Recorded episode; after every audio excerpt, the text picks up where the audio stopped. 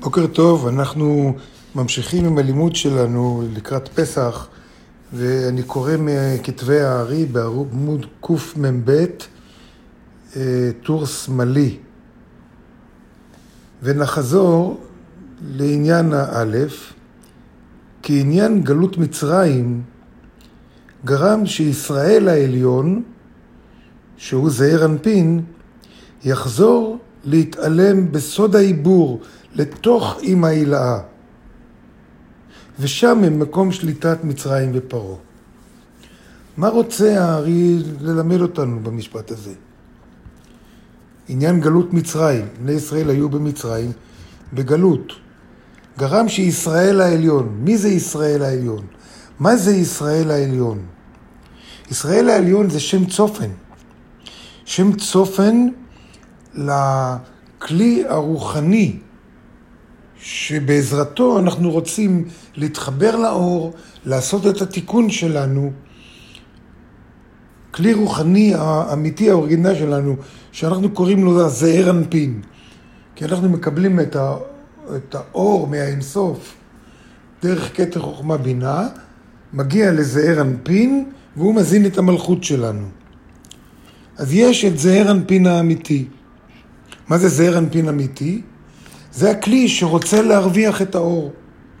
איך רוצים להרוויח את האור? על ידי כוח התנגדות, על ידי נתינה, על ידי זה לעשות את הדברים הנכונים מחוץ לאזור הנוח. וזה אנחנו עושים כדי לגדול רוחנית. אבל כאשר אנחנו משתמשים בכלי עזר או מחפשים את הנוח שלנו, או מחפשים לא לעשות את התיקון שלנו, כפי שהיה בדור המבול, כפי שהיה בדור הפלגה, שהם השתמשו בכלים מלאכותיים עם אגו במקום תיקון.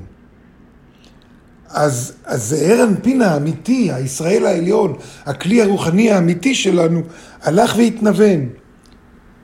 זה דומה, זה דומה, מה זאת אומרת זעיר אנפין, זעיר אנפין, כן, הלך והתנוון, וכתוצאה מזה, אנחנו, בכל אופן צריך איזשהו כלי להתחבר לאור, אז כתוצאה מזה נוצר אצלנו זעיר אנפין מזויף. מה זה זעיר אנפין מזויף?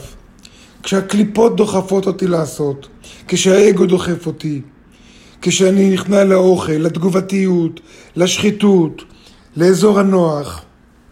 כל זה נקרא זעיר אנפין מזויף. למה מזויף? כי מצד אחד האגו נותן לי כוח להשיג מה שאני רוצה, אבל מצד שני אני לא עושה תיקון עם אגו. זה לא, זה לא אמיתי, זה לא הנשמה האמיתית שלי. אז כאשר משתמשים בזעיר אנפין מזויף, אז הזעיר אנפין האמיתי, הכלי הרוחני של הנשמה האמיתי, הולך ומתנוון ועלול להיעלם. כתוצ... וזה נקרא ישראל העליון, הכלי האמיתי, שהוא זעיר אנפין.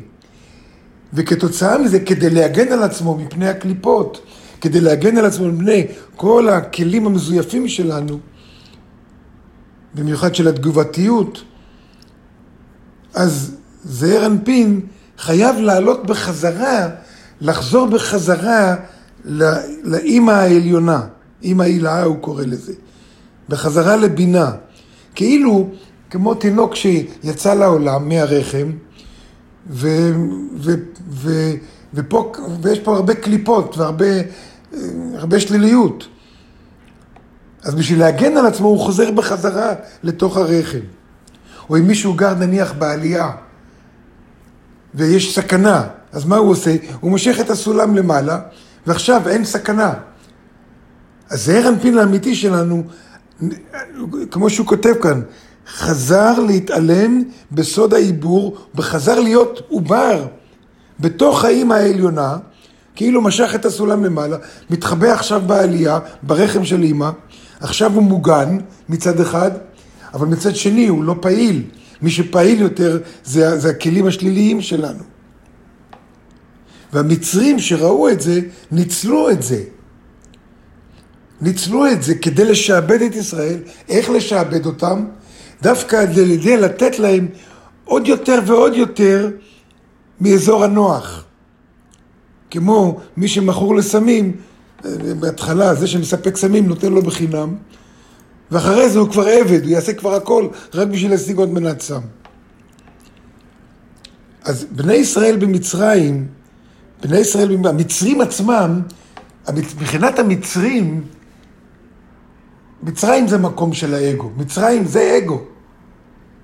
הטלה, האל שלהם זה הטלה, טלה זה רצון לקבל לעצמו.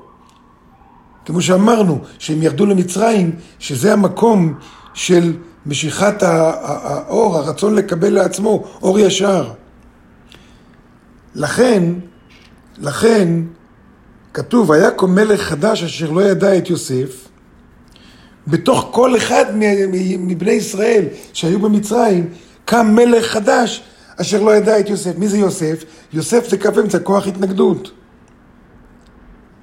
ולכן הזעיר אנפין היה חייב להגן על עצמו, חזר למצב של, של עובר, ו, ו, וכתוצאה מזה המצרים ניצלו את המצב ורק סיפקו עוד יותר ועוד יותר, עוד יותר זעיר אנפין מזויף. בני ישראל לא היו עבדים שעבדו בפרך, אלא הם היו עבדים לרצון לקבל לעצמו. זה היה הבעיה שלהם.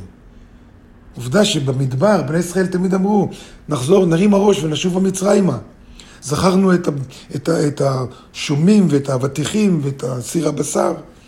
היה להם טוב במצרים, כפי שנרקומן טוב לו עם כל מנת סם שהוא לוקח, הוא יודע שזה לא טוב. כפי שאנחנו משתמשים באגו, בתגובתיות, אני יודע שזה לא טוב להיות תגובתי, אבל אני משתמש בזה, כי זה קל יותר ככה.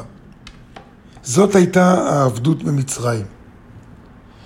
וברגע שה, שהכלי האמיתי עלה בחזרה בתור עובר, אז נשאר רק זעיר אנפין מזויף. נשאר, האור עלה למעלה ונשאר כלי ריק. וזה, וזה מצב של דין, ועל זה נדבר בהמשך מחר.